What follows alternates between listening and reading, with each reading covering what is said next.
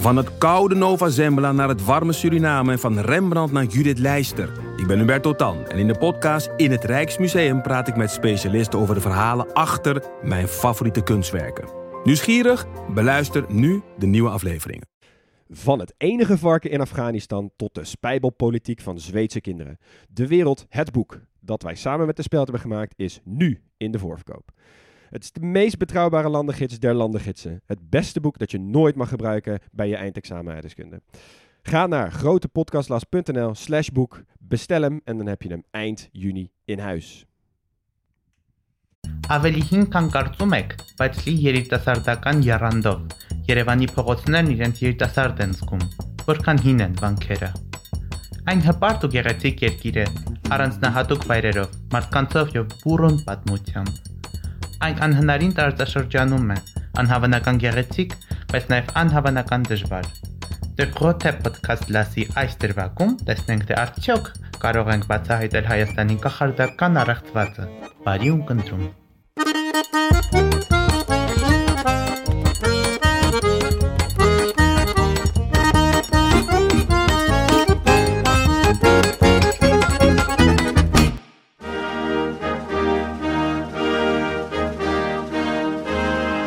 De Armenen zullen jaloers zijn op ons kikkerlandje.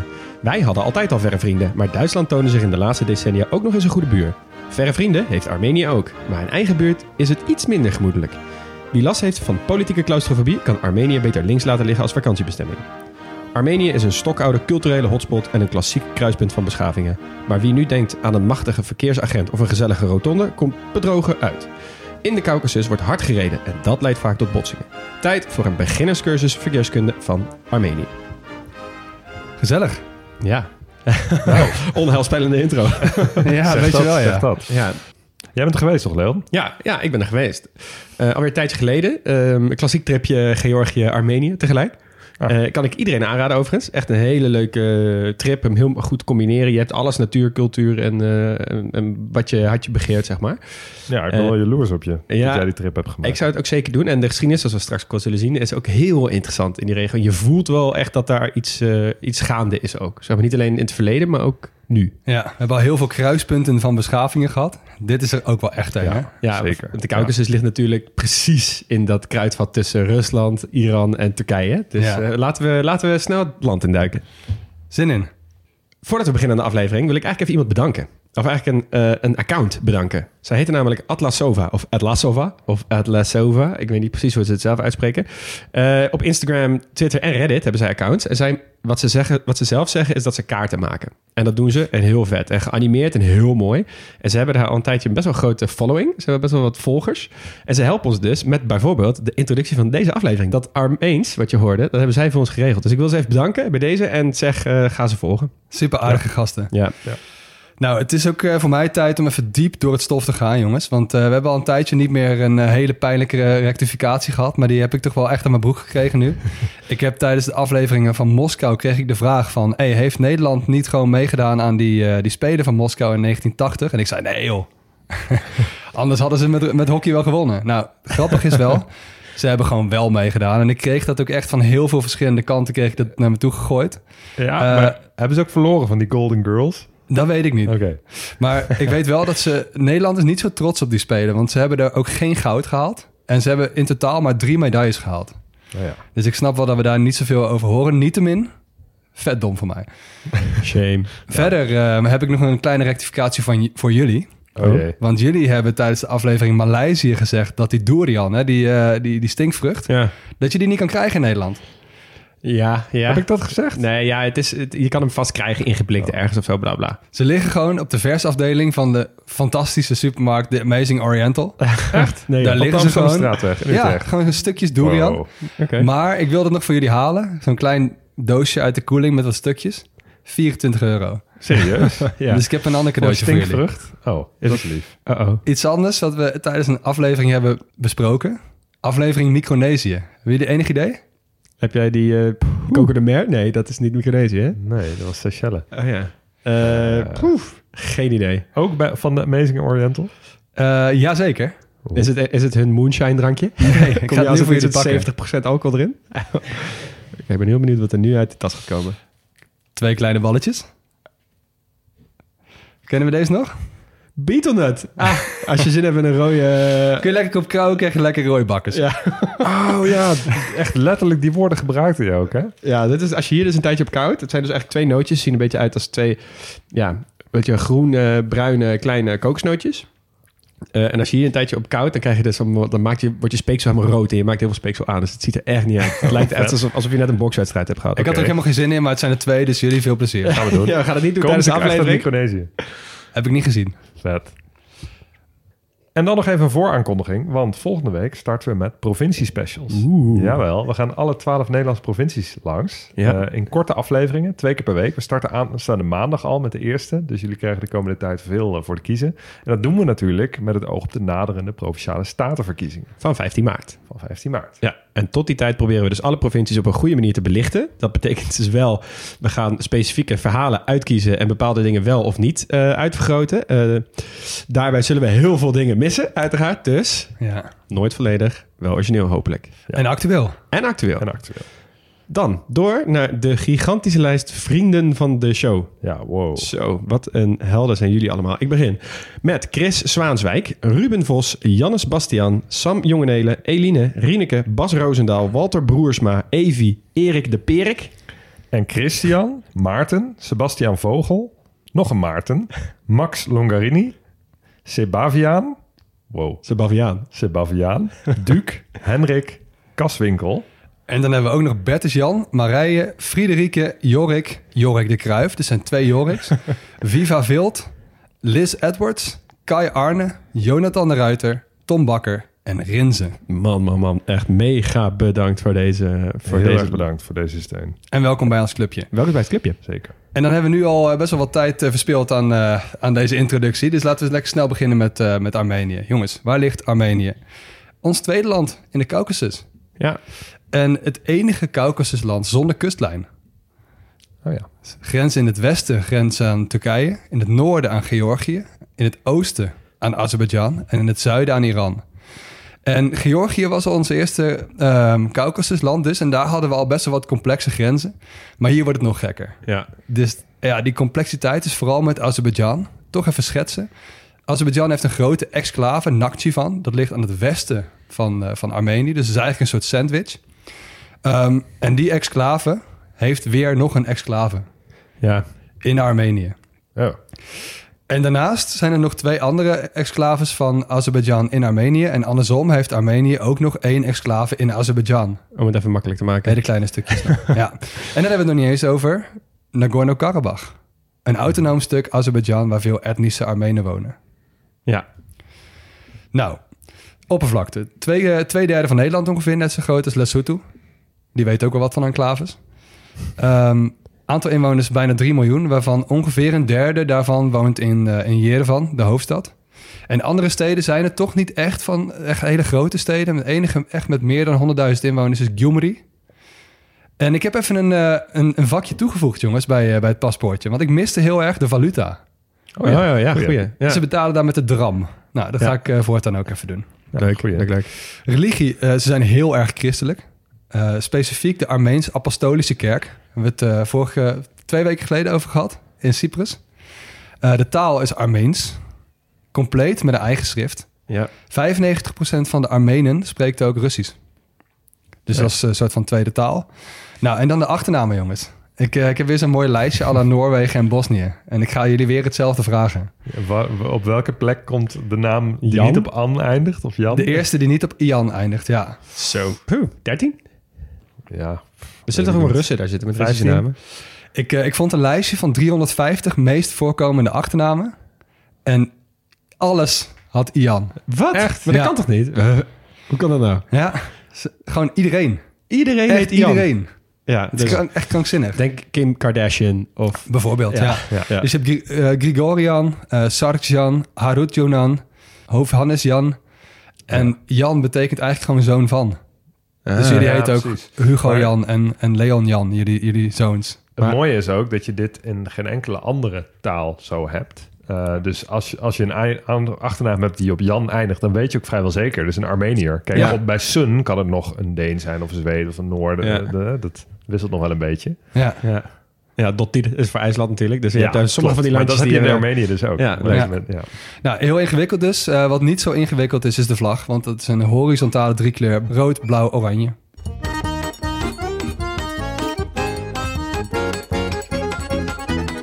Nou, dan gaan we door met de bevolking. En het mooie is aan Armenië is dat het weer zo'n nazistaat. Hè, dus 98% van de mensen in Armenië zijn Armenen. Dat is de naam van het volk. Ja. Maar dat wil dus niet zeggen dat al die Armenen ook in Armenië wonen. Want Armenië is dus weer zo'n land met een hele herkenbare diaspora. Natuurlijk in de regio, want er wonen meer dan een miljoen Armenen in Rusland. Ja. 250.000 ongeveer in Georgië en ook vergelijkbare aantallen in Iran, Syrië en Libanon. Maar ook in Azerbeidzjan. En die wonen dus voornamelijk in die regio Nagorno-Karabakh. Gaan we het later wel over hebben. Eh, twee landen uit de westerse wereld moeten we even noemen... met een hele grote Armeense diaspora. Frankrijk, Hmm. 600.000 ongeveer. En de VS, ongeveer 500.000. Ja. En in de VS vooral zijn ze echt super geclusterd. Echt zo'n hele grote groep eh, Armenen in Greater Los Angeles. Eh, vooral de voorstad Glendale, daar wonen 40% is Armeens. Oké. Wow. Echt, echt lijp. Nou, die naam, hè, dat zeiden we net ook al een beetje. Het is wel echt een goede gids om te, te horen of iemand hoort eh, bij die gemeenschap. Weet je, als iemands achternaam eindigt op Ian, dan hoort hij erbij. Ja. Nou, zo, zo, zo simpel kun je dat zien. We gaan er straks bij de cultuur nog wel een paar noemen. Bijvoorbeeld inderdaad die Kim Kardashian. Ja, Ook een van die, eh, het is heel herkenbaar. Maar we gaan eerst even verkennen wat voor volk dit nou precies is. Even onthouden, zij noemen zichzelf Haik. H-A, Griekse I-K. Sowieso, die Armenen, stokoud volk. We hadden het er net al even over. Het is echt een hele oude cultuur. En daarmee krijg je een paar hele mooie zaken. Namelijk, ten eerste... eh, ze zijn het eerste land met het christendom als staatsreligie. Ja, eerder dan het. Romeinse Rijk. Ja, sinds, Ja. sinds 301. Dat is ook een goed, goed kroegfeitje. Nou, dat Ja. is die Armeense apostolische kerk. En uit die eh, tijd stamt ook de kathedraal van Echmiadzin. De oudste kathedraal ter wereld. Oké. Meteen even het verschil tussen een kathedraal en een kerk. Weten jullie dat? Poeh, ja. Ik heb dat ooit wel geweten, maar ja. ja. Weer ontschoten. Best wel beschamend dat ik dit niet wist. Of Tenminste, dat ik, ik moest het wel even opzoeken. Een kathedraal is een kerk waar ook de bisschop zetelt. Dus de hoofdkerk van een bisdom. Oh ja, oké. Dus en dan blijven we toch even in die levels van de christelijke, eh, is- christelijke is, bestuur. Is een kathedraal dan ook altijd een dom? Ehm, ja, Hmm, zo kun je dat volgens mij wel zien. oké. Ik ga me niet branden aan deze. Nee, maar goed, je moet hier dus wel een stroming hebben die, die echt een hiërarchie gebruikt, die überhaupt bisdommen heeft. Ja. Dus katholiek is goed, ehm, eh, Grieks-orthodox is goed, Russisch-orthodox is ook goed. De Anglikaanse kerk in Amerika heeft dat dus ook. De Lutherse kerk heeft dat ook. Maar het protestantisme zoals we dat in Nederland kennen dus weer niet. Hè, dus Ja. daar vind je dus geen kathedralen. Oh ja. Nou, dan even nog wat moois. Eh, het schrift. Want het is een van de weinige landen die echt een nationaal eigen schrift hebben. ja. Kun je er nog een paar noemen? Georgië, Ja, mijn bovenburen. zeker. Thailand? Eh, ja, is goed. Japan. Ja, is ook goed. Zullen Sri we nog Lanka? eentje? Sri Lanka? Eh, nee. Eh, Nee, want dat deden ze dan ook weer met Zuid-India. Ah, ja, oké. Ja. Ja. Nou, verder, dat, dat schrift is echt waanzinnig, jongens. Dus even een stukje, stukje... We gaan echt heel diep nu. Want het stamt uit het jaar 405. Eh, door een, nou, ontwikkeld door een eh, man, Mesrop Mashtots. En ze hebben zelfs een groot monument bij zijn begraafplaats. Echt best wel, best wel vet. En ze zijn super trots op dat, eh, op dat schrift. Het is echt een hele rare reis door je brein als je dit probeert te lezen. Want er zitten namelijk ook wel tekens tussen die je begrijpt. Oké. De vormen van kleine letters zoals de N, de G, de H en de U bestaan hier in Nederland ook. Of die bestaan daar dus ook. Ja. Maar ze betekenen gewoon wat anders. Dus het is heel raar. Alleen de O is hetzelfde. Dat is dan wel weer fijn. Maar al die letters, de andere letters zeg maar, die zien er ook echt allemaal uit alsof ze ook gewoon in het Latijnse schrift hadden kunnen voorkomen. ja, maar dan is iets heel anders. Een hele andere klank met zich meebrengen. Ja, dus het is echt heel raar om te zien. Uh, maar het is ook wel heel vet. En taalkundigen die kunnen hier dus wel even wat, wat lekker voor gaan zitten. Want ik vond echt een paar waanzinnige dingen. Niet alleen worden die letters van die, uh, van die taal of van dat schrift gebruikt voor de uitspraak van een klank, maar ook als nummer. Uh. Dus je kunt met die letters kun je ook nummers maken, cijfers. Een beetje zoals met Romeinse cijfers ook. Ja, ja, ja, ja. Nou, je hebt 36 letters in het alfabet en dan kun je dus een matrix mee maken van 9 naar beneden en 4 naar rechts. En daarmee kun je uh, 1 tot en met 9 naar, naar beneden en uh, de, de tientallen gaan naar rechts. Dus 10, 1, 10, 100 en 1000. Ja. En daarmee kun je dus met al die cijfers bij elkaar de cijfers van 1 tot en met 9999 maken. Dus ik heb even gekeken, DGP van de, de grote podcast las, is 4 plus 3 plus 800 is 807. wow. En wil je dan hoger dan 10.000, dan moet je een streepje boven een van die tekens zetten... en daarmee vermenigvuldig je met 10.000. Dus je kunt met het alfabet heel lang tellen. Eh, Oké, mijn hoofd duizelt. Nou, dan berg je dan maar, want het gaat nog verder. Eh, de Armenen, die zijn echt van, uit, van oudsher zijn ze dol op geometrie. En hier kreeg je echt een beetje Dan Brown vibes van. Want als je de eerste letter, dat is een A, staat voor God. En de laatste letter is een K, staat voor Christus. Ja? Ja. Als je dat alfabet in een piramide zet, met de A dus bovenop en de Ja. laatste letter eh, rechtsonder, dan zijn de hoekpunten, drie hoekpunten, zijn de heilige drie-eenheid. Dus God, Christus en de Heilige Geest. Als je dat nou in een ruit zet, dan worden de hoekpunten van die ruit de H, de A, de Griekse I en de K. Hike. Juist, Volk. de naam van het volk. Wow, next level. En het wordt nog vetter, want er zit een hele mysterieuze connectie met het periodieke systeem. En nu gaan we echt diep, scheikunde. Elke letter van eerst naar laatst heeft een volgorde Dus 1 tot en met 36. Ja. Ja? Ja. Ehm, neem nu eens het oud-Armeense woord voor goud, voski, heeft in het Armeens vier letters. Als je die cijfers van die vier letters bij elkaar optelt, Ja. kom je op 79. Periodieke en nummer welk nummer goud. Heeft het, het goud inderdaad in die periodieke tabel? Wow, echt? 79. Maar wacht eens even. Is het periodieke systeem opgebouwd aan de hand van... Nee, Oh. kom ik zo op. Zilver bestaat uit drie letters. Als je die bij elkaar optelt, kom je op 47. Zilver is nummer 47, periodieke systeem. Dit kun je doen met alle zeven metalen die we vanuit de oudheid kenden. Dus goud, zilver, koper, tin, lood, ijzer en kwik.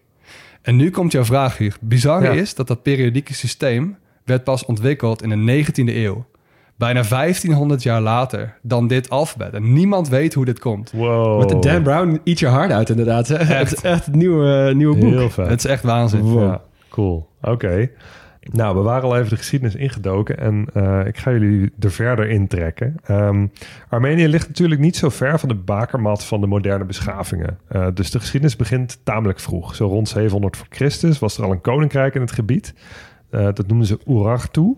En dat wordt ook wel aangeduid als koninkrijk van Ararat. Naar de berg waar Armenen zich zo mee identificeren. De berg die overigens momenteel volledig in Turkije ligt. Ja. Ehm, dit koninkrijk, Urartu, dat wordt gezien als een voorloper van het huidige Armenië. Dus eigenlijk de vroegste versie daarvan. En het besloeg naast het huidige Armenië ook hele grote delen van Oost-Turkije en Noord-Iran. Dus Armenië was toen veel groter.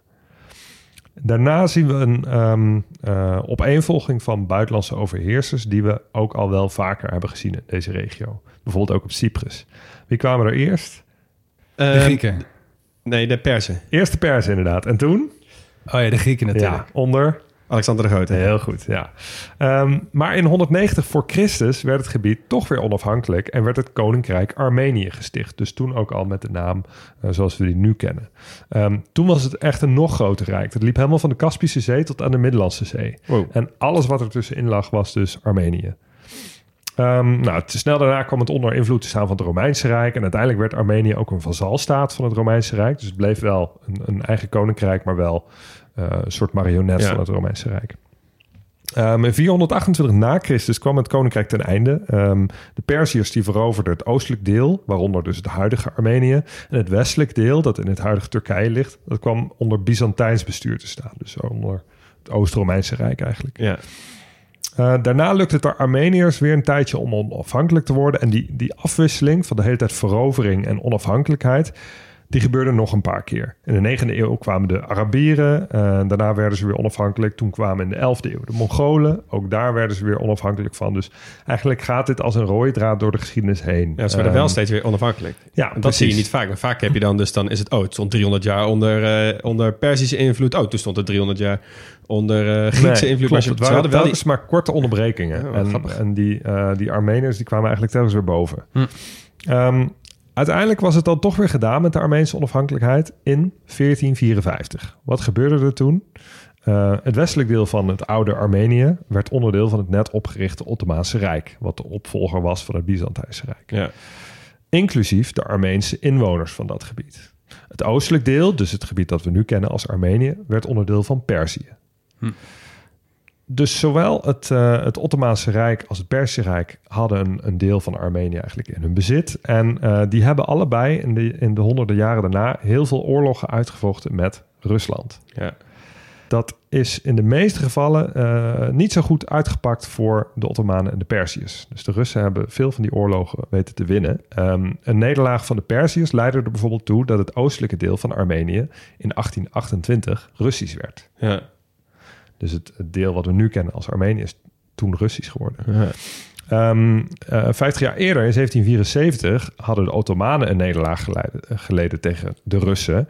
Ehm, dat heeft er niet toe geleid dat de Russen het westelijk deel van Armenië zijn gaan bezitten. Maar ze hebben toen wel bedongen dat Rusland beschermer zou zijn van alle orthodoxe christenen binnen het Ottomaanse Rijk. Oké. Dus ze hebben Check. toen eigenlijk afgesproken van... oké, luister, als jullie ooit iets flikken tegen de orthodoxe christenen... binnen jullie Ottomaanse Rijk, Komen we halen. dan grijpen wij in. ja. Dus eh, de Armeense bevolking binnen het Ottomaanse Rijk had door die afspraak wel eh, bestaanszekerheid. Nou, het Ottomaanse Rijk brokkelde in de, in de 19e eeuw dus steeds verder af. Hebben we ook al wel eens eerder benoemd. Ehm, net als in de rest van Europa was er steeds meer nationalisme onder de verschillende bevolkingsgroepen. De landen op de Balkan werden bijvoorbeeld onafhankelijk van het, eh, van het Ottomaanse Rijk. En in het overblijvende deel van het Ottomaanse Rijk kwam het Turks nationalisme steeds sterker op. En ehm, die groep Turkse nationalisten die pleegde een staatsgreep. En uiteindelijk in 1913 zijn we inmiddels beland. kwamen drie mannen aan het hoofd te staan van een Turks nationalistische dictatuur. in het, het overgebleven deel van het Ottomaanse Ja. Rijk. Waaronder dus het westelijk deel van het oude Armenië. Ja. Heb je het nog? Ja, ja, ja. Nou, die drie mannen, dat waren Talat Pasha, Enver Pasha en Cemal Pasha. Pasha, dat was een hoge titel in het Ottomaanse Rijk. Dus, nou, vandaar.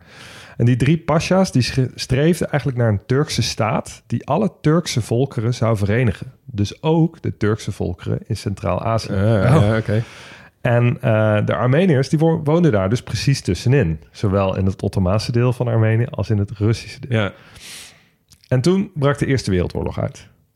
En het Ottomaanse Rijk koos de kant van de centrale mogendheden... en dus tegen Rusland kwam te vechten. Ja. Nou, de Armeniërs waren sinds jaar en dag bondgenoot van de Russen... en dat maakte ze voor de nationalistische Turken... dus nog meer een, een eh, obstakel en een luis in de pels dan ze al waren. Ja. Ehm, dus wat gebeurde er? Ze werden tijdens de Eerste Wereldoorlog op grote schaal vermoord in het Ottomaanse deel en gedeporteerd op lange marsen zonder eten en drinken de Syrische woestijn in. Ehm, dat kennen we als de Armeense genocide. Het is eh, best lastig gebleken om precies te zeggen hoeveel Armeniërs daarbij eh, om het leven zijn gekomen. Ja. Eh, schattingen lopen uiteen van 600.000 tot anderhalf miljoen mensen. Wat veel mensen ook niet weten, is dat er tijdens diezelfde genocide ook honderdduizenden Grieken en Arameërs werden vermoord. Mhm. Arameërs, dat zijn een volk dat tegenwoordig vooral Syrië en Irak woont. Dus ja, gigantische misdaden tegen de menselijkheid zijn daar, zijn daar begaan. Ehm, waardoor eigenlijk het grootste deel van de Armeense bevolking dat in het huidige Turkije woonde, eh, eigenlijk is uitgemoord of verjaagd. Ja. Heftige tering. Aan het eind van de Eerste Wereldoorlog eh, vluchtten die drie pasja's met een onderzeeboot naar Duitsland. Want het Ottomaanse Rijk verloor de Eerste Wereldoorlog. Zij gingen naar Duitsland toe. En, Had je eh, dat, konden zij in, wacht even, in 1919 of zo hebben we het nu over? ja? Konden ze toen al met, met onderzeeboten vanaf de Middellandse Zee helemaal zo... ja, zeker. Niet helemaal onder water. Nee, oké, ze konden op, op Precies. cruciale delen even onder water. Exact. Straat van Gibraltar en Ja, zo. precies, doken ja. ze even onder. Ah, ja. oké. Ik wist helemaal niet dat die al zo uit waren. Ja, zeker. Ook een Ja. verhaal. Ehm, en eh, in, eh, in eh, Istanbul werd een nieuwe Ottomaanse regering geïnstalleerd. En die veroordeelde die drie pasha's bij verstek tot de doodstraf voor hun misdaden. Maar Duitsland weigerde ze uit te leveren. En vervolgens hebben de Armeniërs operatie Nemesis gestart. Met als doel om die drie pasha's op te sporen en te liquideren. Joh. Super vergelijkbaar met wat bijvoorbeeld de Mossad heeft geprobeerd namens Israël na de Tweede Wereldoorlog met gevluchte eh, In Argentinië bijvoorbeeld. Duitse oorlogsmisdadigers, precies. Ja. Nou, in 1921 werd Talat Pasha in Berlijn doodgeschoten. In 1922 werd Cemal Pasha vermoord in Tbilisi. Enver Pasha die ontliep de Armeniërs en die vluchtte naar Centraal-Azië, waar die kwam te vechten tegen de Russen, maar in 1922 om het leven kwam. Ehm, en een Armeense commandant in het Russische leger claimt dat hij degene is die de trekker heeft overgenomen. Maar even, dan, die Enver, hè? Dan heb je die andere twee pasjas, die zijn dan al dood. Dan, eh, bij elke straat toe kijk je dan toch over je schouder van... Fuck. Ja, dat zal hij ook wel gedaan hebben. Ja. Ja. Ja. Nou, na de Eerste Wereldoorlog moest het Ottomaanse Rijk veel gebied afstaan aan Armenië, waardoor Armenië tijdelijk ook weer wat groter werd en ook West-Armenië bij Armenië ging horen. Maar in 1920 veroverde Turkije van Atatürk alweer een groot deel terug. En daarbij kwam bijvoorbeeld ook de berg, de Ararat, de heilige berg voor de, voor de Armeniërs, Ja, in Turkije te liggen. Ja. Nou, niet veel later werd de rest van Armenië ingelijfd door de Sovjet-Unie en omgevormd tot de Armeense Socialistische Sovjetrepubliek. Yes. En de grenzen daarvan zijn eigenlijk de basis voor het Armenië zoals we dat nu kennen. Ja. Ja, want eh, Armenië en Azerbeidzjan werden allebei een zogenaamde Sovjetrepublieken, zoals je zei. En het gedeelte wat jij net in het begin al even aanhaalde, van Nagorno-Karabakh, werd bij Azerbeidzjan ingedeeld. Daar woonden toen al heel veel etnische Armenen. Ehm, maar ja, goed, je was toen met z'n allen één Sovjetrepubliek, dus dat sluimerde een beetje. En eh, de Sovjets die zeiden ook, kalma kalma, want we hebben geen zin in een soort burgeroorlog hier. Dus dat werd redelijk onderdrukt. Zo van, oké, ga maar gewoon werken voor, het, eh, voor de grote communisten. Ehm fast forward, 70 jaar later, glasnost. Wat gebeurde er onder glasnost? Gorbachev zei, oké, we mogen iets meer politieke vrijheid. Mensen mogen iets meer hun mening uitspreken op een positieve manier, maar natuurlijk ook op een negatieve manier. Dus dat hele conflict tussen de Armenen en de Azeris in Nagorno-Karabakh, dat laaide helemaal op. Ehm, even misschien nog eventjes voordat we hier aan beginnen goed om te... Jij hebt het al gezegd in de, in de intro. Maar Nagorno-Karabakh is een afgescheiden staat... waarvan het grondgebied internationaal wordt erkend als onderdeel van Azerbeidzjan. Dus het ligt in Azerbeidzjan, op grondgebied van Azerbeidzjan... maar er wonen in dat stuk eigenlijk vrijwel alleen maar etnische Armenen. Dat gebied, Nagorno- Nagorno-Karabakh, dat ligt dan weer in een grotere provincie. Die provincie heet Artsakh. Artsakh is het Armeense woord. Ze verwijzen altijd naar Artsakh als dit dat noemen ze Artsakh en internationaal wordt dat gezien als de Republiek Nagorno-Karabakh. En in de Republiek Nagorno-Karabakh ligt dus het gedeelte Nagorno-Karabakh. Ja. En de hoofdstad van Nagorno-Karabakh is Stepanakert. Ik ben daar geweest trouwens. Dus dat Ja. was- ja, dat is wel leuk. Met echt een magische vlag. Hè? Ja, die vlag. Ik, kom- ik zou, daar zou ik hem mee afsluiten, want Oh, die is ja. wel echt fantastisch. Veel zin in. Eh, wat ook wel interessant is aan het gebied, kan je meteen zien hoe oud het is. Eh, Nagorno-Karabakh, het komt van het Russische woord Nagorny. Dat betekent bergachtig. En Karabakh, eh, dat is eh, zwarte tuin in het Turks. Oh. Dus alleen de naam al, is, daar zit Turks-Russisch in. Mooie samenvatting. Mooie samenvatting. Nou goed, we gaan nog even terug naar de glasnost. Ehm, dus dat, dat, dat conflict dat laaide weer een beetje op. Ehm, en eh, ze hadden de, de etnische Armenen hebben Nagorno-Karabakh toen op een gegeven moment eh, gevraagd aan hun bevolking: hey, willen jullie bij Armenië? Toen heeft vrijwel iedereen gezegd: ja, dat willen wij. Maar die Azeri zeiden: nee, dat willen wij niet. Eh, en toen in, in augustus 1990 verklaarde Armenië zich onafhankelijk van de Sovjet-Unie. En eigenlijk wilden ze meteen dus Nagorno-Karabakh bij Armenië inlijven. En toen begon die oorlog. Eh, dat is de eerste oorlog van Nagorno-Karabakh. Eh, die duurde ongeveer tot 1994.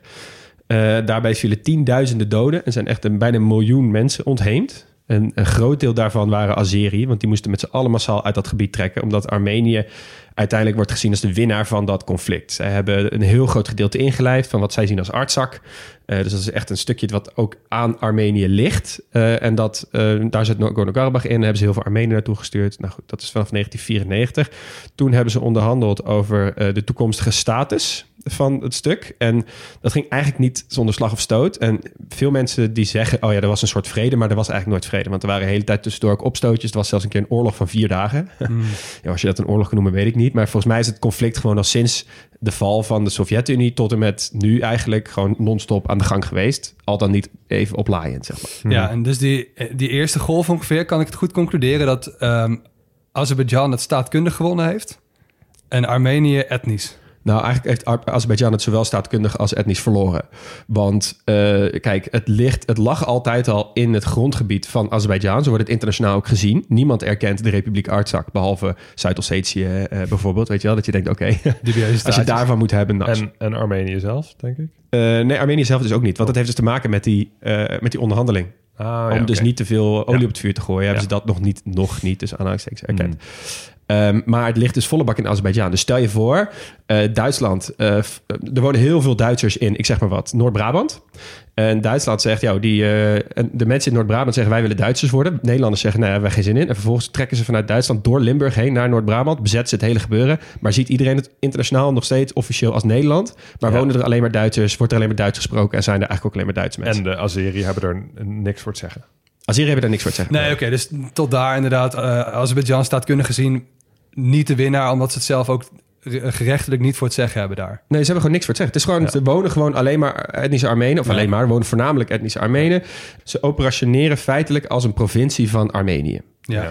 Wat best wel lijp is, want als je eh, Google Maps opent, zie je niet eens een stippellijntje. Nee, en dit is dus grappig. Hier kom ik later ook op terug. Want eh, dit was dus de situatie tot en met september 2020. En dan gaan we even naar waarom het nu heel interessant is. En ook nog best wel ingewikkeld. Want voor de Armeniërs was het gebied van, als vanzelfsprekend van hen. Maar die Azeri die zijn de afgelopen 30 jaar behoorlijk rijk en vooral sterker geworden. Hoe komt dat nou?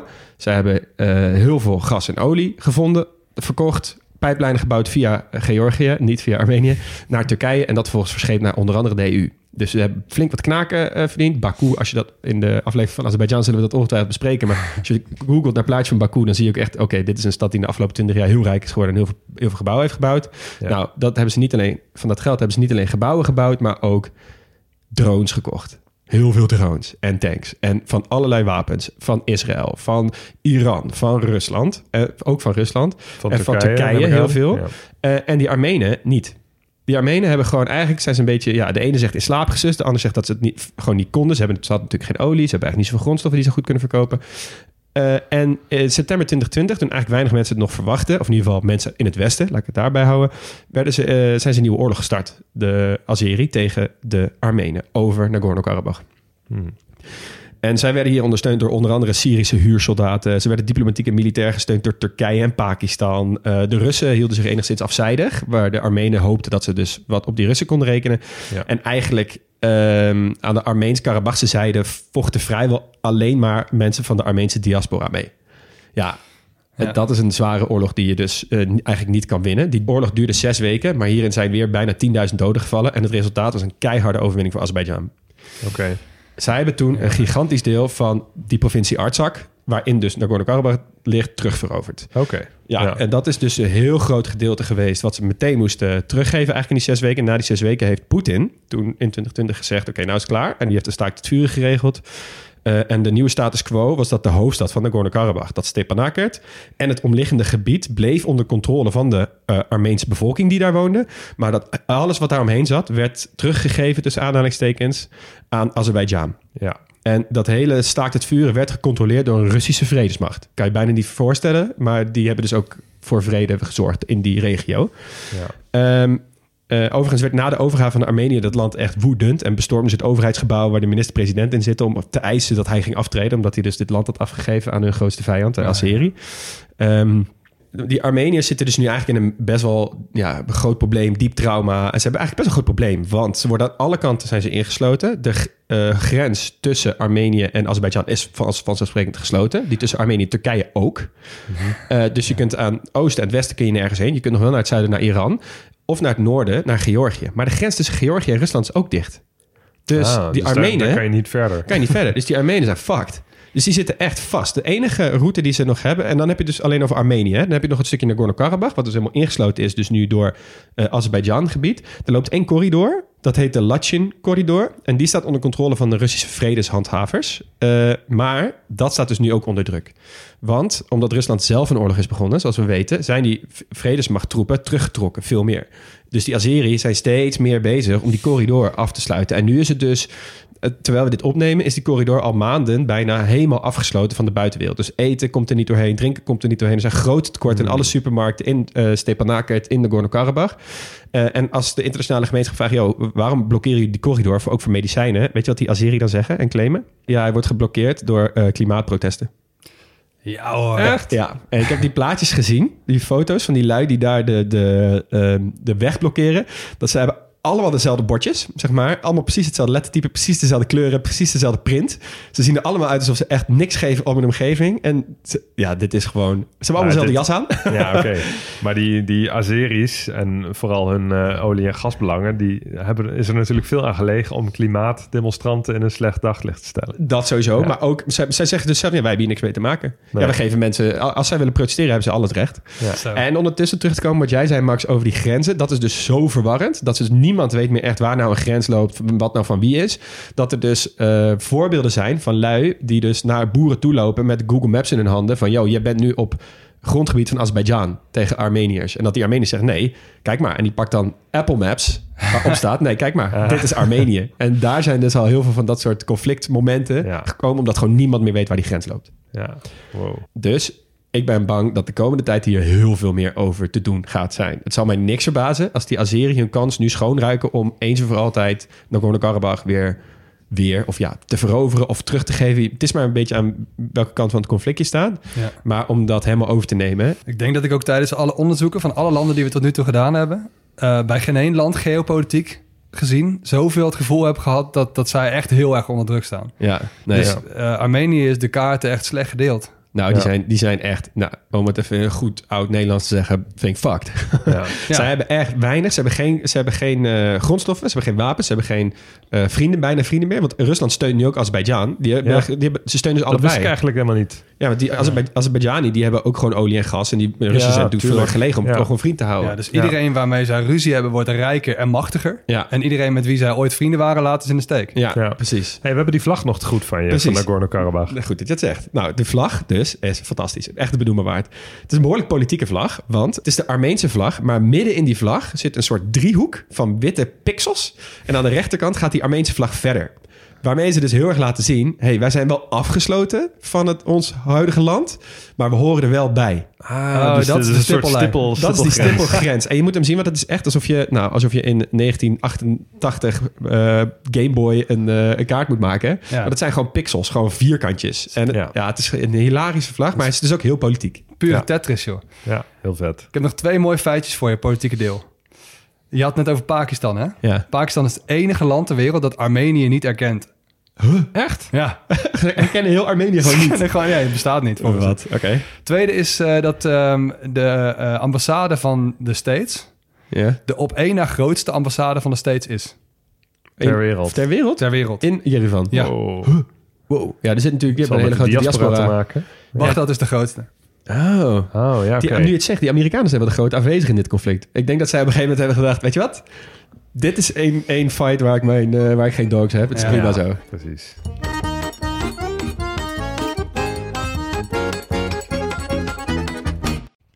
Stop de podcast. Je vakantiegeld komt eraan, dus het is tijd om jouw reis te boeken. En onze sponsor van vandaag heeft een dikke kortingscode. En die sponsor van vandaag is Sawadi, niemand minder. Dit is een reisorganisatie en vakanties zijn natuurlijk duur, dus dit aanbod is extra interessant deze tijd. Ik vind dat altijd een mooie organisatie, Sawadi. Ja, ik ook wel. En Ja. ze bieden verschillende soorten eh, groepsreizen aan.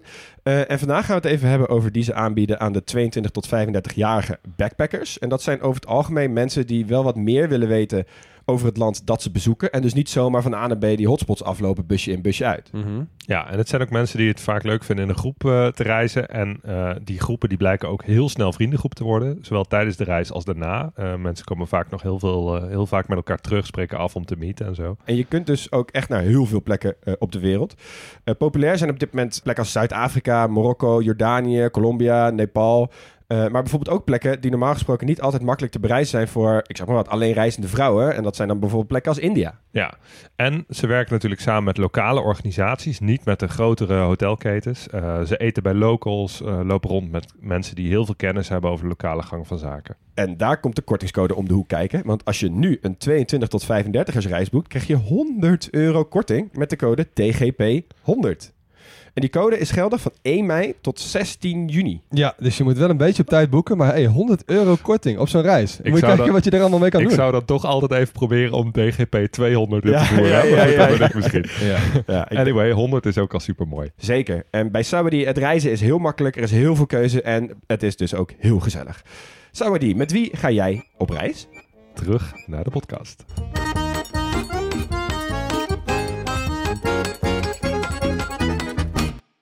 Jongens, fysische. En allereerst even een kleine anatomie van het land Armenië. Het is landlocked, het is geen zee. Ze hebben wel een heel groot meer, Sevan. Het Sevan-meer. Ja, daar ben ik Eh, geweest. Heel veel muggen. ik ben helemaal gek. Ja, dat was het inzoomdeel. Voor de rest zou ik vooral uitzoomen. Nee, het is wel echt eh, ook meteen het grootste meer van de hele Caucasus. En eh, het westen van Armenië is een beetje aan de grens van Turkije. Dat is het laagst gelegen gebied. De rivier de Aras vormt een groot deel van die grens. En in het oosten en het zuiden, daar liggen de bergen. Hmm. De hoogste, de Aragats, iets hoger dan 4000 meter. Dat had dus die Ararat kunnen zijn. Die is iets meer, of die is dik 5000 meter. Ja. Maar goed, dat is dus een soort van eeuwige onbeantwoorde liefde. Hè, want die, daar kunnen, die ze kunnen hem wel zien, maar ze kunnen er niet zo makkelijk Ja, uit. dat ligt, het ligt vlak buiten Jerevan, hè? Nou, om even dat te zeggen, zeg maar, die berg is echt... Je ziet het overal waar je komt in Ja. Armenië. Het zit volgens mij zelfs op, het, op de valuta. Ja, op de dram staat de dram. ja. Ik kan me ook echt geen postzegel in Armenië voorstellen zonder die berg. Ja, terwijl die dus niet in Armenië ligt. Nee, het is echt heel lijp. Ja. Nogmaals. Het is trouwens ook de berg waar de Ark van Noach zou zijn gestrand. Hè? Ja, je kan Ja. hem ook zien. Als je, de- als je het ziet, en je zit dus in Jerevan, als je iets verhoogd gaat staan, eh, dan kan je die berg gewoon zien. Ja. Het zijn prachtige foto's. We zullen wel een paar op even zetten. op, en op de website. En op de website. En dan Ja. kan je precies zien wat, wat die Armenen zien vanuit hun eigen hoofdstad. Zeg maar de berg die niet van hen is, maar wel het heiligste. Ja. Ja. Nogmaals, eeuwige onbeantwoorde liefde. Nou, ik had beloofd, hè, we gaan even uitzoomen. Dus eh, de Caucasus heet deze regio. En je hebt de grote Caucasus en de kleine Caucasus. De grote, dat is die, die lange bergstreep van Sochi in Rusland... eh, via de Elbrus, hoogste berg van Europa... naar Georgië, eindigt bij Baku in Azerbeidzjan. Ja. Dat is echt die streep. Ja. Die kleine Caucasus is niet alleen lager, maar hij is ook kleiner. En dat is het hele grensgebied van Turkije, Georgië, Armenië en Azerbeidzjan. Ja. Eigenlijk is de Georgische hoofdstad Tbilisi dus precies de grens tussen die twee. Dus je kunt eigenlijk vanaf de Zwarte Zee naar de Kaspische Zee rijden via Tbilisi zonder al te veel hoogteverschil. Nou, het verschil tussen die twee. Dit is wel, ik vond het best wel interessant. Die grote, die heeft echt een duidelijke hoofdkam. Hè, dus een serie met toppen die echt een beetje zo'n lijn vormen. Ja. Die verdeelt dat gebied ook in de Noord-Caucasus en de Zuid-Caucasus. Ja. Dus Noord-Caucasus, dat is ook Tsjetsjenië en zo, aan de Russische kant. ja, daar ligt ook eh, wat voor mij een eye-opener was. Vladi, Kafkas. Stad, Ja. stad in de Caucasus. Nou, daar ga je. Het zuiden, daar, daar hebben we het eigenlijk nu vooral over. En de kleine Caucasus, dus dat gebied waar eh, Armenië ook in ligt...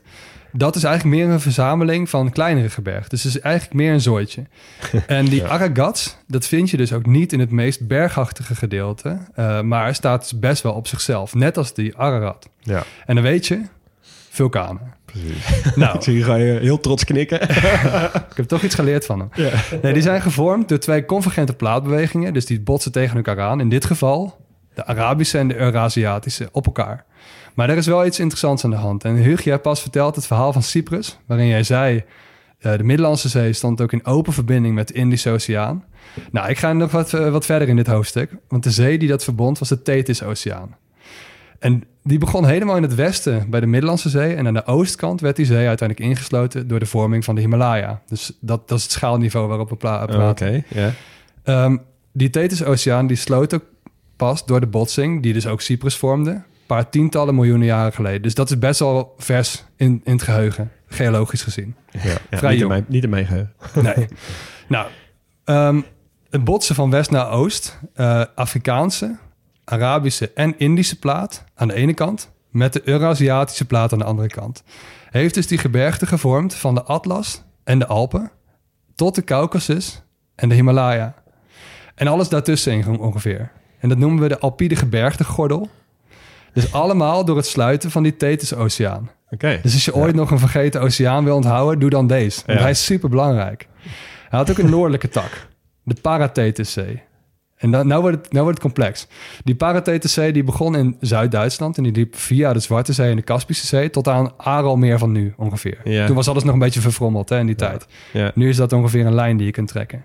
Alles wat ertussenin ligt, is eigenlijk vrijwel allemaal laagland. Dus dat was dus die Ja. binnenzee. Dat was toen de zeebodem. Dus Dat was toen de zeebodem, ja. En ehm, die scheiding tussen die twee zeeën was het Anatolisch Schiereiland. En daar ligt ook Armenië. Dus dit is het de- deel waar Armenië om de hoek komt kijken. Ehm, en die Armenië lag dus tussen in de zuidkant Tethys-oceaan, noordkant die Parathetuszee. Dus die werden eigenlijk ingesloten door twee zeeën. Ja. Nou, die platen die begonnen dus te botsen. En dat zorgde rondom Armenië voor subductie, waardoor de kleine Caucasus gevormd werd. Zware oceanische plaat kroop natuurlijk onder de lichte eh, continentale, met als gevolg het vulkanisme dat we nu zien als de kleine Caucasus. Het grappige is dus wel dat die vul- dat vulkanisme vind je dus wel in kleine, maar niet in de grote Caucasus. Want die is in feite eigenlijk is, is die grote Caucasus een beetje de kreukelzone van de vorming van de kleine. Ja, ja, ja. Ja, Oh, dus ja. daar botsten eigenlijk twee stukken continentale korst op elkaar... waardoor je geen subductie krijgt, maar plooiing. Ja, Ja. exact. Zoals de Alpen ook gevormd zijn. Ja, precies. Ja. En het grappige is dus nu dat die bergen van de grote Caucasus bestaan dus niet uit vulkanen, maar uit sedimentair gesteente. Dus eigenlijk uit, uit oude zeebodem. Ja. Ah. Dus dat is echt een mooi verschil tussen die twee. Ik, ik dacht altijd een beetje Caucasus, nou, één pot nat. Maar je hebt dus echt een hele dikke scheiding tussen die twee gebergtes... met een hele andere karakter en een heel andere besta- een ontstaansgeschiedenis. Ja. Zo. Nice. Ja, dus dat is eigenlijk, je zou kunnen zeggen dat de kleine Caucasus eh, de grote heeft veroorzaakt. Ja, mooi. Dankjewel, Max. Mooi verhaal. Goeie spreekwoord. Goeie Zo, nou, 8,5. 8,5. Pak van mijn hart. Ja, nee. ja. Hey, dan eh, even naar de economie. En eh, dan moeten we weer eventjes terug naar de, de tijd van de Sovjet-Unie. Want in de, in de Sovjet-Unie, ten tijde daarvan, had Armenië best wel een moderne maakindustrie. Eh, dus ze importeerden ruwe grondstoffen uit andere Sovjetlanden en exporteerden dan weer vervaardigde producten ervoor terug. Zoals chemicaliën, elektronische producten, machines, synthetische rubber. Dus eh, ze maakten best wel geavanceerde industriële producten. Ehm, maar na de Sovjet-tijd kreeg de industrie een klap, omdat de aanvoer van ruwe producten uit andere Sovjetlanden stokte. Ja. En er waren ook grote uitdagingen in de energiesector. Armenië was namelijk volledig afhankelijk van brandstoffen uit het buitenland. Ze hadden zelf geen eh, noemenswaardige brandstoffen die ze uit de grond konden halen. Ehm, ze hadden wel een kerncentrale, maar die moest in 1989 sluiten als gevolg van een aardbeving. Nou, en toen begin jaren 90 de oorlog in Nagorno-Karabakh en alle hevigheid losbarstte. Toen sneed Azerbeidzjan dus de aanvoerlijnen voor brandstoffen af. Eh, er werd wel een poging gedaan om een nieuwe gaspijplijn aan te leggen vanuit Georgië, maar die werd steeds opgeblazen door Azerbeidzjaanse saboteurs aan de Georgische kant de bepaal je ook echt. Want dan lig je dus echt naast een land wat superveel gas en zo heeft en allerlei grondstoffen. En Ja. Ben je ineens vijanden? is Ja, het je allemaal bent- vijand. En je bent afgesneden van je aloude vriend Rusland. Dat ook nog eens. Ja. Ja. Nou, de enige energiebron die daar nog over was, was waterkracht. En daar hadden ze niet zo heel veel in geïnvesteerd. Eh, dus er was een enorme energiecrisis. Ehm, en die periode staat in Armenië bekend als de donkere koude jaren. Mensen hadden maar 1 tot 2 uur elektriciteit per dag. Wow. Eh, iedere regio op een ander moment. Dus die waren dan beurtelings werd er een regio af- aangesloten. En die energiearmoede die ging ook gepaard met heel veel honger. Want ehm, er was ook een tekort aan allerlei landbouwproducten die voorheen werden geïmporteerd. Eh, Ar- Armenië is ehm, niet op alle vlakken even vruchtbaar. En ja, mensen moesten soms dagen in de rij staan voor een brood. Eh, de landbouwsector die groeide in die periode ook om zelfvoorzienender te worden. Dus Ja. Armenië moest na die Sovjet-tijd echt op eigen benen gaan staan. En Armenië is daarom ook een van die weinige landen waarin de industrie is afgenomen ten faveur van de landbouw. Zoals we heel erg zagen in Mongolië. Ja, ja, ja, oh ja. Ehm, nou, in 1995 heropende de kerncentrale en toen pas kwam er dus ook een einde aan die energiecrisis. Eh, sindsdien gaat het economisch eigenlijk echt heel goed. Eh, Ja. De economie groeide ehm, eh, vooral in de jaren 2000 echt enorm. Echt jaarlijks met dubbele cijfers. Ehm, en wat ook wel een relatief belangrijke factor daarbij is, is de Armeense diaspora. Hm. Want ongeveer 10% of ruim 10% van de economie wordt opgebracht door overboekingen uit het buitenland. En daar weer 60% van puur door Kim Kardashian. Ja, stort die, stort eh, is dat... Die is wel, tenminste, die is volgens mij, maar nu begeef ik me echt op een heel gevaarlijk gebied. Want ik keep niet bepaald up with the Kardashians. Maar volgens mij zijn zij wel trots Armeens eh, diaspora. Ja, Ja, veel, Ja, mensen, veel mensen ook wel. dus misschien zijn wel, zij wel de Dua Lipa van En eh, ik denk dat zij ook de wel een van de rijkere mensen is in de, de Wereld. Armeense diaspora. Ik heb er zo nog twee. Ja, Oh, oké. Ja. nice. Alright. Ehm, ja, want eh, wat jij zei, Huug, dat de economie goed gaat, dat zie je ook terug in de toeristische sector. Want Armenië is echt booming. Eh, vlak voor corona werd het door Jan en Alleman uitgeroepen tot de toeristenbestemming van het jaar 2020. Dus we hebben het nu over januari, februari 2020. Dikke balen voor hun. Zo, ja. Echt maar echt, het, eh, zeg maar de Britse kranten Telegraph, eh, Ryanair, Booking.com, zelfs de VN melden dat Armenië een van de werelds snelst groeiende toeristenbestemmingen is en dat mensen er echt heen zouden moeten gaan. Ja, het, is natuurlijk, het heeft in principe echt alles. Nou, we hebben het gehad over de bergen die ze hebben, dus dat zie je heel mooi. Ze hebben, pakken heel veel zondagen per jaar, dus je kan er echt eh, het hele jaar door kun je er best wel goed heen. Ehm, eh, en je hebt heel veel mooie oude kloosters. Nou, die kloosters, eh, dat zijn ook wel een beetje een claim to fame. Als je kijkt op wat ga je nou doen in Armenië. Zeg maar, de toeristensector is nog niet heel erg ontwikkeld. Maar dat is misschien juist ook wel mooi voor de mensen die dicht bij huis naar een iets onorthodoxe plek op vakantie willen gaan. Eh, eh, want als je op zo'n website kijkt van oké, waar ga je nou heen? Dan krijg je 20 kloosters, weet je wel. Ja, ja, ja. en voor mij, het ongetrainde oog, Ja, na drie kloosters denk je wel... Dat had ik ook toen ik daar was. Heb je Georgië natuurlijk ook superveel. Dan denk je, oké, eh, weer een klooster. En natuurlijk, ze zijn heel oud en heel mooi. Ehm, er staan er wel drie op de UNESCO Werelderfgoedlijst. Allemaal van de Armeens-Apostolische Kerk, natuurlijk. Eh, dat zijn eh, de kloosters van Hagpat en Sanahin. De kathedraal en kerken van Etchamiadzin en archeologisch Zwartnot. En ehm, het klooster van Gigart. eh, en daarnaast wil ik er eigenlijk nog eentje noemen... waar ik zelf geweest die ik heel vet vond. Dat is namelijk het Tatev-klooster. Komt uit de 9e eeuw. En dat klooster eh, is mooi, maar mag je eigenlijk meteen vergeten. Want het vetste van het klooster is hoe je er komt. Namelijk met de Wings of Tatev. Een gigantisch lange kabelbaan. Oh, Ja, die zag je niet aankomen. nee. Het is de langste omkeerbare kabelbaan ter wereld. Dus je, je gaat erheen en hij kan terug. Maar echt gebouwd voor, Oh ja. door zo'n Zwitsers... Oh. ik dacht van boven naar onder. Eh, heel nee, nee, nee, nee, wel van, van A naar B en dan weer terug naar A, zeg maar. Eh, gebouwd door eh, Zwitserse Alpen-technici en mensen die heel goed zijn in die dingen bouwen. En die rit duurt eh, ergens tussen de 11 en 15 minuten. Dat Wow. aan hoe hard dat ding gaat. Dat voor een kabelbaan echt superlang. kabelbaan. Ja, Ja, dat is dus eh, 5 punt- eh, 5,7 kilometer lang. ja, want die dingen gaan best wel hard ook. Ja, Tenminste, als in de, in de, in de Alpen wel eens in, in zo'n gondel Ja, gezeten. Dat ja. gaat echt met een rotvaart dat station in en uit. Ja, ik heb dus in dat ding gezeten en op een gegeven moment verveel je wel een beetje. Het is wel vet mooi daar om te zien. En het bereikt een hoogte van 320 meter. Dus dat is echt iets voor jou, Als in boven, boven het land op Boven het landoppervlak. Als je beneden kijkt op het hoogste punt is het 320 meter naar beneden. Zo. Dus Ja. voor de mensen met een beetje hoogtevrees is het een feestje. Ehm, maar eh, het is echt het is heel leuk om te doen. Ik zou er absoluut heen gaan. Eh, een ander eh, hoogtepunt is eh Dilidzian. Ehm, dat is het Zwitserland van Armenië. Oh. Ja. Maar deze mogen het wel vanwege de bergen, maar ook vanwege het feit dat het echt een heel belangrijk kuuroord was in de laatste decennia van de Sovjet-Unie. Dus heel veel mensen gingen erheen voor eh, de, voor de baden en hoe prachtig het daar is. En eh, nou, over het plaatje zullen we ook wel even online zetten. En dan snap je de vergelijking ook wel. Je kunt er prachtig wandelen. Je hebt er uiteraard heel veel kloosters, ook in die regio, waaronder het Haktsarin klooster. Ehm, eh, dus dat is een mooi deel. En daardoorheen loopt ook een deel van de Trans-Caucasische Trail. En dat is een trail die is nog niet af. Maar als die af is, is die 1500 kilometer van West-Georgië naar Oost-Azerbeidzjan. Grote kans dat die dus nu eventjes wat vertraging oploopt. Maar eh, sinds vorig jaar is het deel in Armenië helemaal af. Dus je kan dus helemaal van het westen tot het oosten of het oosten van het westen, wat jij leuk vindt van Armenië, kun je dat lopen.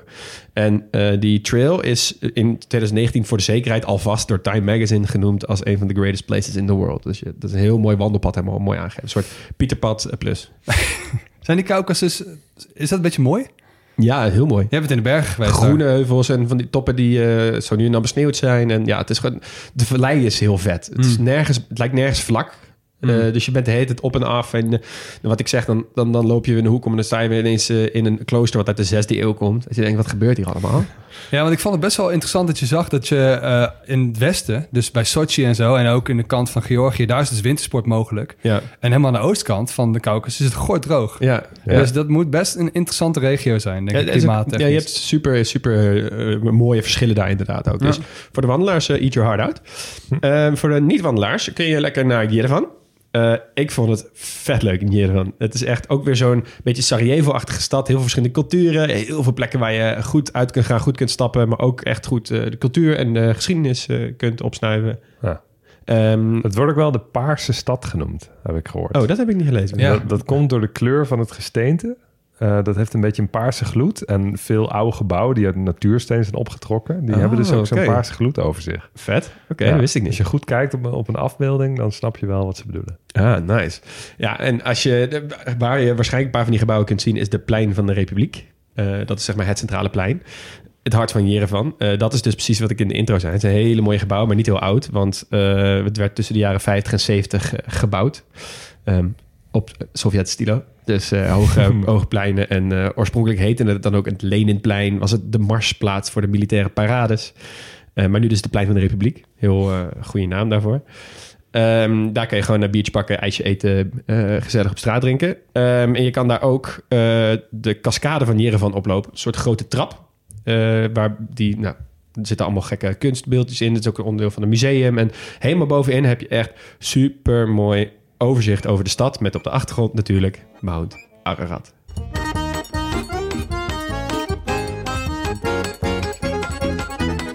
Oké, dan gaan we door naar het laatste hoofdstukje. Alles wat een land mooi maakt. En qua kunst eh, is dat bij Armenië wel tof. Ik heb binnenlands en buitenlands. Dus ik begin eventjes bij eh, binnenlands natuurlijk, want we hebben het over het land Armenië. Ja. Eh, ik ga het eigenlijk alleen maar even over muziek hebben... met een klein uitstapje naar jouw grote vriendin Leon. Groot vraagteken voor zometeen. Hey, als er één muziekinstrument is dat je op Armenië kan plakken... dan is het wel de duduk. D-U-D-U-K. Ja. Het is een houten blaasinstrument, heeft wel wat weg van de hobo. Ik heb sinds Laos geleerd dat de klemtoon op de tweede ja, ik wou net zeggen, je spreekt lettergreep ligt. eh, Alsof wij je aan het controleren. Heel veel dank. Hobo. Leon, jij ging ook de fout in daar volgens mij, dus we weten het nu voor altijd. Eh absolute grootmeester is eh Jivan Gasparian. Zal wel de, de zoon van Casper heten. Eh, helaas wel in 2021 overleden. Eh, dat duduk is wel echt een heel populair instrument in de filmmuziek. Dit is wel echt best wel vet. Ehm, het, het, is, het wordt heel veel gebruikt om een, een beetje een buitenaards en een eenzaam gevoel uit te beelden. Oké. Of een beetje een Midden-Oosterse of Centraal-Aziatische vibe. Onder meer de films eh, Avatar. Hotel Rwanda, The Crow, The Hulk, The Kite Runner, Pirates of the Caribbean at World's End. Ben je En- nou even het eindje weg trouwens? ja, het is wel een reis rond de wereld. En Blood Diamond. Wat is dit? Dat is allemaal eh, eh, films over landen die niet in de buurt zijn. Ja, maar toch waar die Duduk het heel goed doet. En Ja. soms zelfs gespeeld door die Gasparian zelf. Eh, ook samen met Hans Zimmer, Ja. de filmmuziekspecialist van de wereld. Ja. Bijvoorbeeld in een film die ik nog niet heb genoemd, Gladiator. Daar ga ik even een stukje van laten horen. Leuk.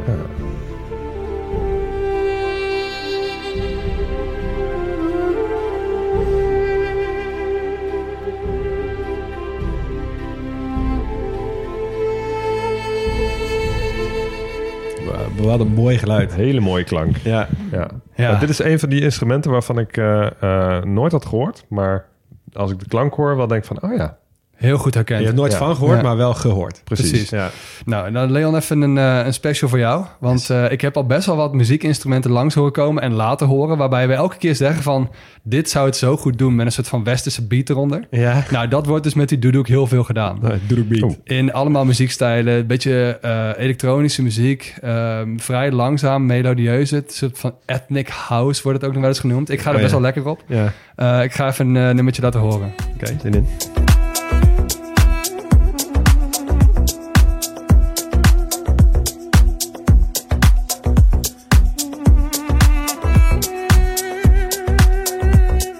Ik ga hier ook heel lekker op. Als Zo. je er een Spotify-lijstje van hebt, dan eh, moet je hem even doorgeven. Ik zie mezelf wel in een club staan hiervan. ja, Ja. inderdaad, ja. Ja, sowieso een uh, mooie, Doek, mooie tip voor eh, deze stijl muziek. De Nijmeegse DJ Satori. Ik ben een soort van groot verbruiker. Leon, jij ook, Ja, weet ik. absoluut. Dit is, eh, ga je heel lekker op. ja.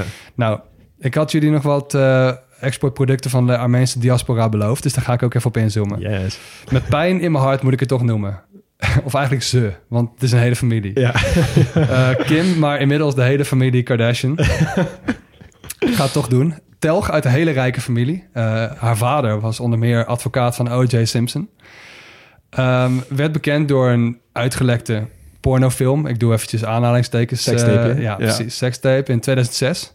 En vooral door de serie Keeping Up with the Kardashians daarna. En inmiddels is die hele familie beroemd. En iedereen heeft spin-offs en make-up lijnen en alles. En ja, goed. Maar waarom eh, zijn ze nou beroemd? Dat weet ik nooit. ja, dat, dat is een beetje het punt. Want ja, een beetje in de combinatie van het influencer-tijdperk en de tijd van hele plastische chirurgie, ehm, is het resultaat dat er hele volkstammen zijn die allemaal hetzelfde hoofd hebben inmiddels. Met Ja, allemaal van die soort van artificial duck faces. Ja, inderdaad. Ik moet er altijd een beetje om lachen. Ja. Eh, maar jij zei inderdaad van, wat is haar talent nou? Weet je, waar is Ja. ze nou beroemd mee geworden? En eh, wij zijn niet de enige die die discussie heeft, want de hele wereld vraagt zich dat af. Eh, het is een beetje een eeuwige discussie van wat is nou het talent van Kim Kardashian? En ze heeft zelf ook wel dingen daarover gezegd. Eh, laten we het er in ieder geval op houden dat ze extreem goed zijn in branding, marketing en alles rondom het verkopen van een image. Ja. Dat kunnen Ja. ze echt heel goed. Ja. ja, dat is toch een beetje wat ze dan noemen een socialite.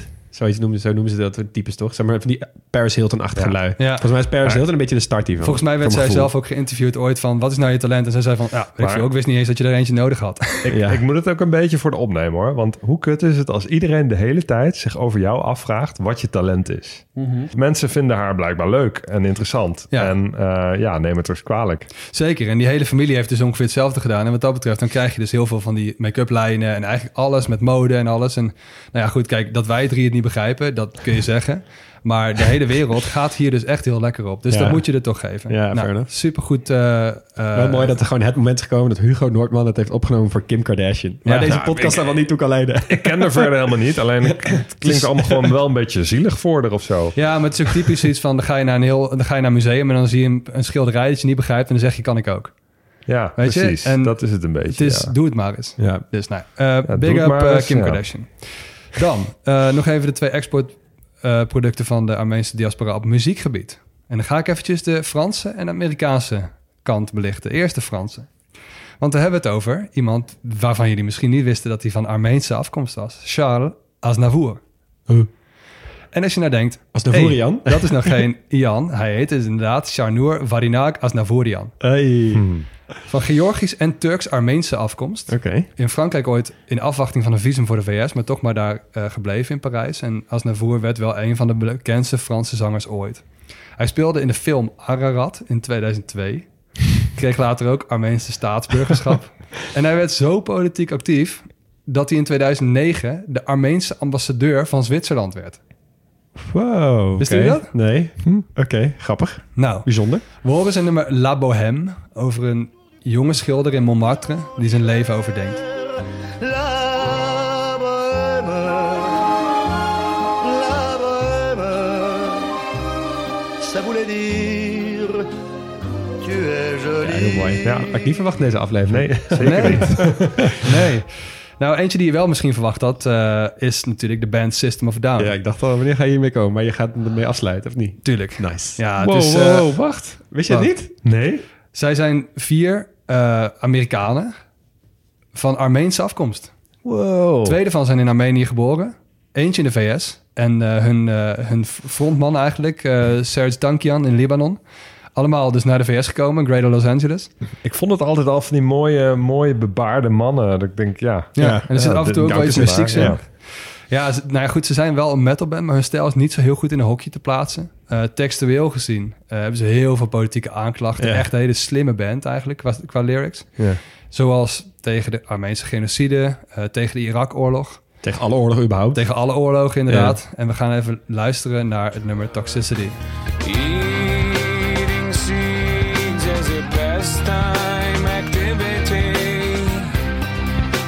Toxicity of our city, of our city.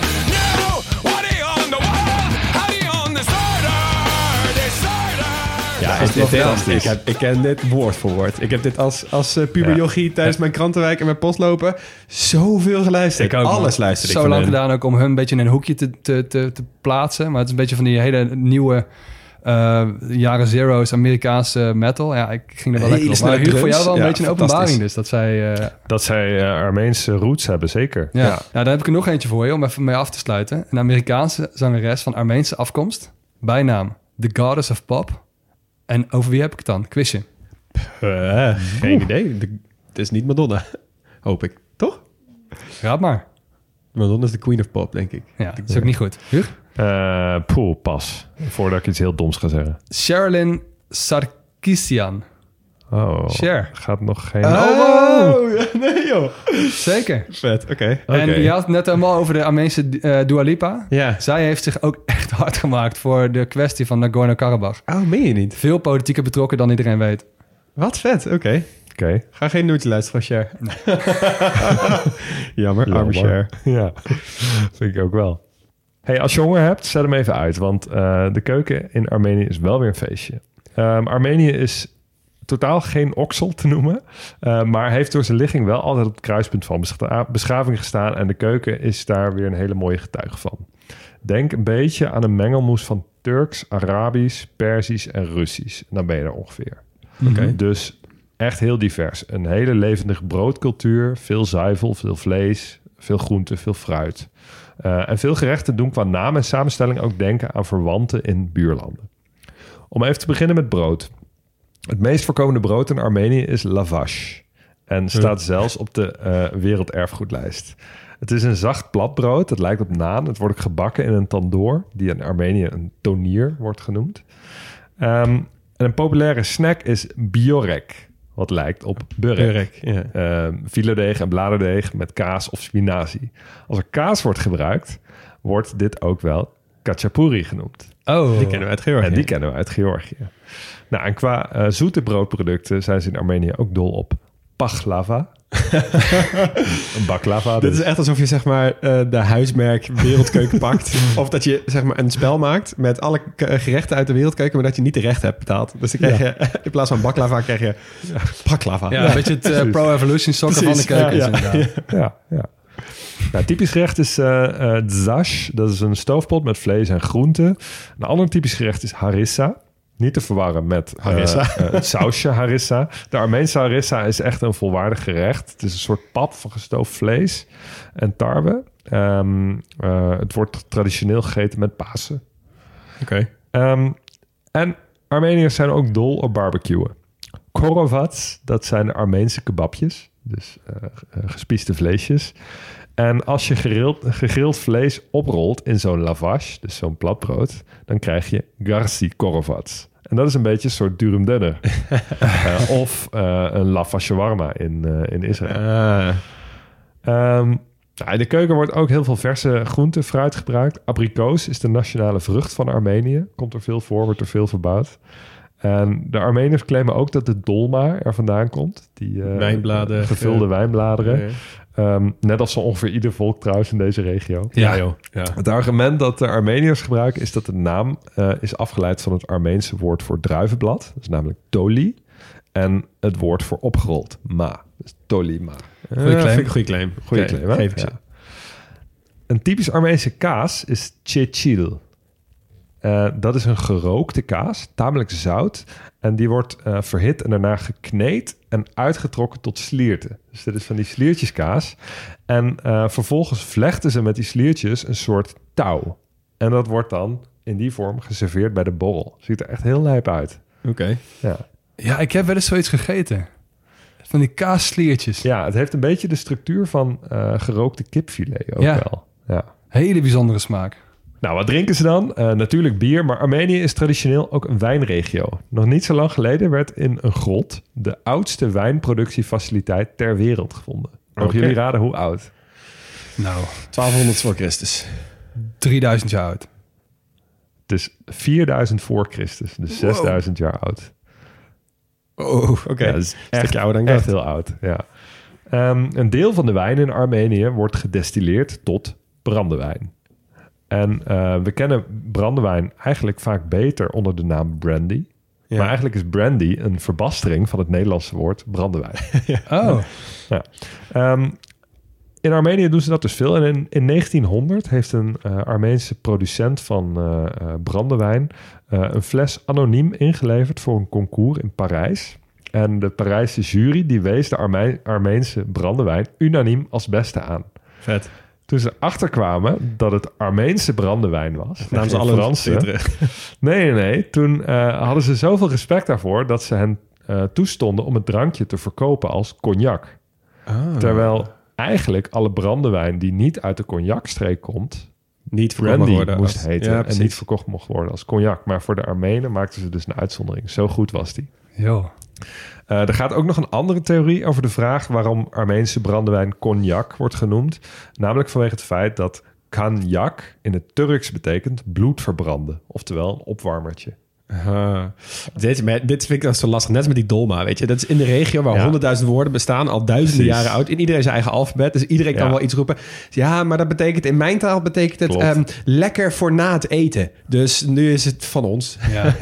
Eh, nou, dan heb ik nog één feitje voor je over die Armeense brandewijn. Ehm, eh, namelijk eh, dat het het favoriete drankje van Winston Churchill was. En hij is ermee in aanraking gekomen tijdens de Jalta-conferentie... waar de geallieerde machten het territorium van het Duitse Rijk verdeelden. Ehm, en Stalin, Roosevelt en Churchill zaten daar dus met z'n drieën volop aan de Armeense brandewijn. En eigenlijk is dus het lot van naoorlogs Europa bepaald met die Armeense brandewijn als smeermiddel. Ja, en weet je wat dus de naam is van die brandewijn? Uiteraard. Ararat. Uiteraard. Ararat. ja. en ik heb dus dit ook gelezen over Churchill. En het schijnt dus dat hij zo verliefd was op die brandewijn, eh, die Ararat, dat hij dus jaarlijks 400 flessen naar Ja. zijn huis liet verschepen. Ja, ik heb ook gelezen Vanuit dat hij een fles per dag dronk. Ja, in En dit is gewoon 40% alcohol, hè? Ja. Die guy is daarna gewoon nog minister-president geweest hè, van Engeland. Maar goed, zelf het. Ja. Ehm, dan nog even naar de sport. We beginnen met de Olympische Spelen medailleklassementje. Doe eens gokkie. 10 goud. Ja, dus kijk, ze, hebben het doen, ze beetje- doen pas mee sinds eh, 1996. Oké, ja, dat is niet zo lang. Dat is goed om te weten. Maar ze Twee kunnen wel een goud. beetje judoën. Ik denk ook wel eh, drie goud. Twee goud is goed. Twee goud, acht zilver, acht brons. Eh, twee goud in worstelen.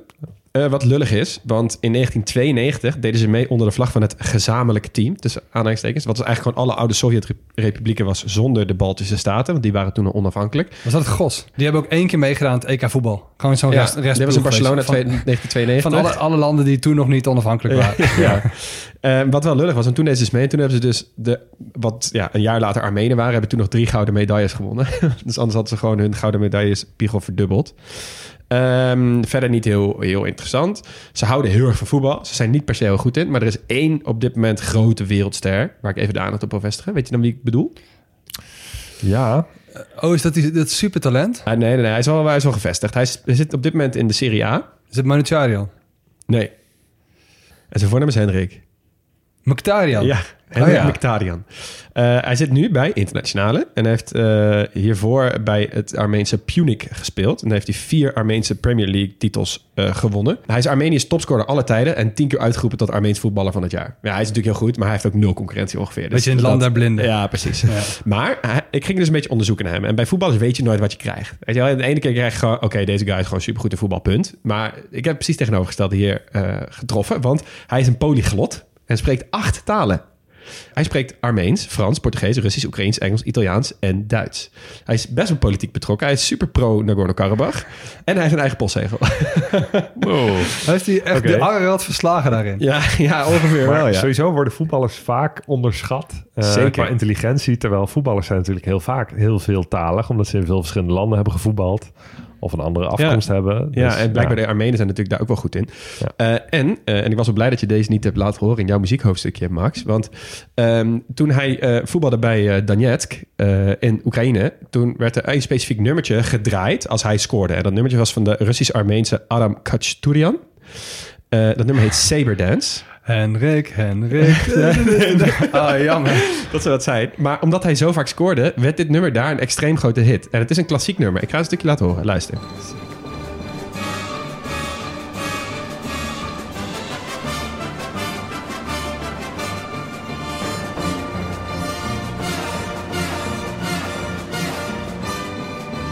Dit wordt dus gespeeld in het stadion, elke keer als hij scoorde. En daardoor werd dus dit nummer best wel bekend. Ja, nummer Saberdance. Ja, super vet. wat een goed nummer. Ja. Ehm, er zijn meer Armeense voetballers, maar die zijn allemaal uit de diaspora. Twee daarvan zijn wereldkampioen geworden in 1998. Ik weet er een. Doe het. Yuri Djorkaev. Yuri Djorkaeff. Ja. Zijn moeder Armeens, dus vandaar de naam Oh. Ja. Eh, en, en ik ken deze hele guy niet. Alain Bogosian heeft in het, ook in de 1998 eh Die, die speelde in het Franse elftal. Franse elftal. Hij heeft ook gewoon nog in de finale gespeeld. Oh, Hij is ingevallen. is Ja. maar ook even ontschoten. Ja, wist het dus ook niet. Oh, maar ik had, ik, ken- joh, ik ken dit elftal echt van haver tot gort. Ja, Maar er is dus nog iemand, Dat een soort eentje. van eh, omgekeerde eh, roze olifant. hij, hij, hij bestaat gewoon. Hij, hij zou echt een hele goede zijn voor elke voetbalkenner quiz, zeg maar, wie, de, wie ze daarin eh, altijd zullen vergeten. Nou, tot zover voetbal. We gaan even over naar de andere kant van de tafel, namelijk naar schaken. Armenen houden van schaken. Sterker nog, Armenië heeft een van de meest schaakgrootmeesters per hoofd van de bevolking. En sinds 2011, 2012 zijn schaaklessen verplicht op elke openbare school in Armenië. Ja. En dat is Terecht. daarmee ook het eerste land dat, verplicht schaken, dat schaken verplicht heeft gesteld op scholen. Ehm kom ik weer met een eh, eentje die we anders waarschijnlijk in een ander land niet zouden behandelen. Maar de allerbekendste schaker aller tijden is Kasparov. Kasparov. Geboren in Baku. Maar Armeens moeder en Russisch-Joodse vader, dus moest daar op de vlucht. En hij heeft nooit Armenië vertegenwoordigd. En hij is dus slechts half Armeens. Eh, noemen Armeense bronnen hem uiteraard als Armeens. En de achternaam van zijn moeder is Kasparian. Oh, dus eigenlijk, hij heeft de naam van zijn moeder aangenomen. Hij heeft het verrussificeerd. Dus hij heeft de Kasparov van gemaakt. Maar eigenlijk heet die, zou die dus Gary Kasparian heten. Joh, is zijn familie ook doedoek-speler, of niet? Ja, ja dat zou je zo verkennen. Wow. Dan Even wat, wat gekke feitjes van, Kaspar, eh, van eh, Kasparov, Kasparian. Ehm, hij is de langste nummer 1 schaker ooit, van 1984 tot 2005. Mokertje lang. Eh, hij is behoorlijk anti-Poetin en anti-Russische eh, overheersing. Hij is een paar keer opgepakt en in de cel gegooid... en ook echt een paar keer goed mishandeld door de politie. Eh, een keertje in 2005 en een keertje in 2012 bij de rechtszaak van Pussy Riot. Ja, joh. Hij, als je in de Russische eh, woordenboek kijkt en je zoekt op luis in de pels, dan- hij is dat volgens mij echt. Hij, is altijd de lastig. niet. Ja, precies. Ja. En wat vet is, hij heeft dus Kasparov versus The World gedaan. Dat was in 1999 via internet. Dan mocht iedereen zich inschrijven om tegen hem te spelen. En dan moest door middel van een soort poll werd dan besloten... oké, wat wordt de volgende set? En er was dus een wereldteam van duizenden... die samen gingen overleggen... oké, wat gaan we hierna doen? Deelnemers uit meer dan 75 landen... en totaal deden er 50.000 mensen mee. En hij won het. Best wel vet, toch? Tegen de Ja. wereld heb gespeeld op die manier. Zo. Eh, hij heeft in totaal vier maanden geduurd, dat hele spel. Nou, hij heeft het zelf omschreven als het beste spel in de geschiedenis van schaken. Ik kan me daar wel iets bij voorstellen. Ik ook.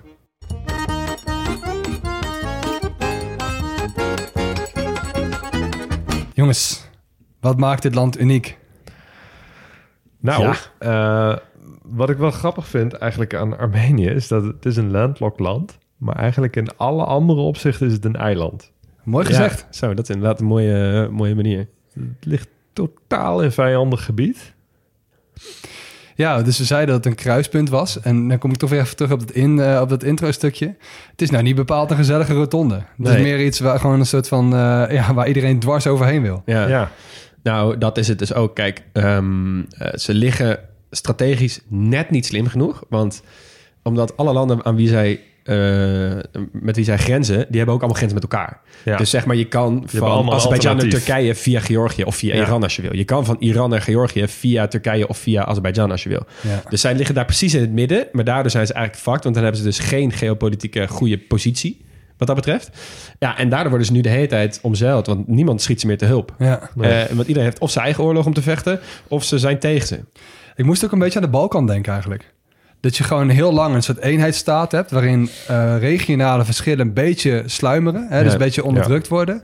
Ja. Die, die, die voel je niet zo op het moment dat je allemaal lid bent van dezelfde superstaat. En dat was in de, in de Caucasus natuurlijk in de eh, Sovjet-Unie. Ja, En dat, dat, dat werd dan iets losgelaten, hè, glasnost. ja, En dan komt alles weer boven. ja. Nou, dat hebben we bij. Bosnië ook een beetje gezien. Ja. Ja. en dan hebben we ongetwijfeld nog meer, zeg maar... Ja, ik weet niet in hoeverre dat onder de Sovjet-Unie niet al sluimerde. Hè? Zoals ik al zei, er was toen ook al wat anomiciteit tussen die lui. Maar je merkt nu wel dat met wat Azerbeidzjan in de toekomst aan het doen is... en, en Armenië niet, dat zij... Ik vraag me af dus in hoeverre Armenië niet echt helemaal van de kaart geveegd gaat worden op deze manier. Ja, ik zou mijn geld niet op Armenië inzetten. nee. Ik ook niet, nee. Ook Als je het over schaken hebt, dan hebben ze echt alleen nog maar een koning en een pionnetje over. Ja. Nou, eh, zolang het nog duurt, wat, eh, wat zouden we gaan doen? Eén dagje. Ehm, ik ga eh, naar Jerevan. Want ja, ik hoor er toch wel hele interessante verhalen over. En ja, als je, als je serieus, als je die plaatjes van die stad ziet met die Ararat op de achtergrond, dat is zo mythisch. Ja. Zo prachtig. ja. Ehm, en ik, ik ga zeker naar die Kluba. naar, De Doedoek. Doedoek naar die Duduk Beats op zoek. Ja, Kloep Doedoek. Lekker abrikoosjes eten. En ik ga lekkere lavash eten. Zo. Ja. nice. Ja, ik ga ook. Ja, ik ben natuurlijk al geweest. Ik ben ook al in de Gorno-Karabakh geweest. Gewoon om het daar te zijn, zeg maar. Eh, overigens heb ik helemaal niet gesteld, maar wij waren daar op een gegeven moment in een café waar eh, was een dus Armeens gerund café. En daar was de omheining van het hele café. Dat was alleen maar eh, kentekenplaten van auto's uit Azerbeidzjan die ze kapot hadden geschoten. Ah, En daar waren ze allemaal vet trots op. Dus wij zaten daar ook echt... Nee, het is best luguber hier, maar Ja. oké, zelf weten. Dus daar hoef ik niet meer heen. Eh, ik zou inderdaad weer terug gaan in Jerevan. Want ik heb daar echt hele goede herinneringen aan. Ehm, en ik vraag me heel erg af hoe die stad nu veranderd is... nadat ik in de tien jaar niet geweest ben. Ja, Ja. leuk. Ja. Ik, eh, ik ga die, eh, wat is het, Trans-Caucasische Highway lopen. Ja? Ja, ik ga lekker wandelen. Wings of Nee, ik ga lekker wandelen. En ik ga eens gewoon kijken hoe die Caucasus er nou uitziet. Want ik, ja, ik weet er eigenlijk niet zoveel van. Die kleine Caucasus. Ik ben wel benieuwd. Dan moet je wel de langste dag van het jaar uitzoeken, denk ik. Nou, is goed. Ja, of heel hard doorlopen. Ja. Nou, hey, super bedankt voor het luisteren weer naar dit hoofdstuk van de grote podcastlas. Vanuit de Huiskamerstudio in Utrecht hoorde je Leo Moelis, Max Gerritsen en Hugo Noordman. En Jonas van Impe, die doet voor ons de eindmontage. We zijn nooit volledig, wel origineel, geen experts, wel liefhebbers. Hebben we iets verkeerd gezegd of zijn we iets cruciaals vergeten? Volg ons en laat het weten via Twitter of Instagram op en kijk zeker op de website grotepodcastlas.nl. Volgende week beginnen we dus ter gelegenheid van de Provinciale Statenverkiezingen aan een rondje door Nederland. En we beginnen aanstaande maandag al in Drenthe. Stesutjun.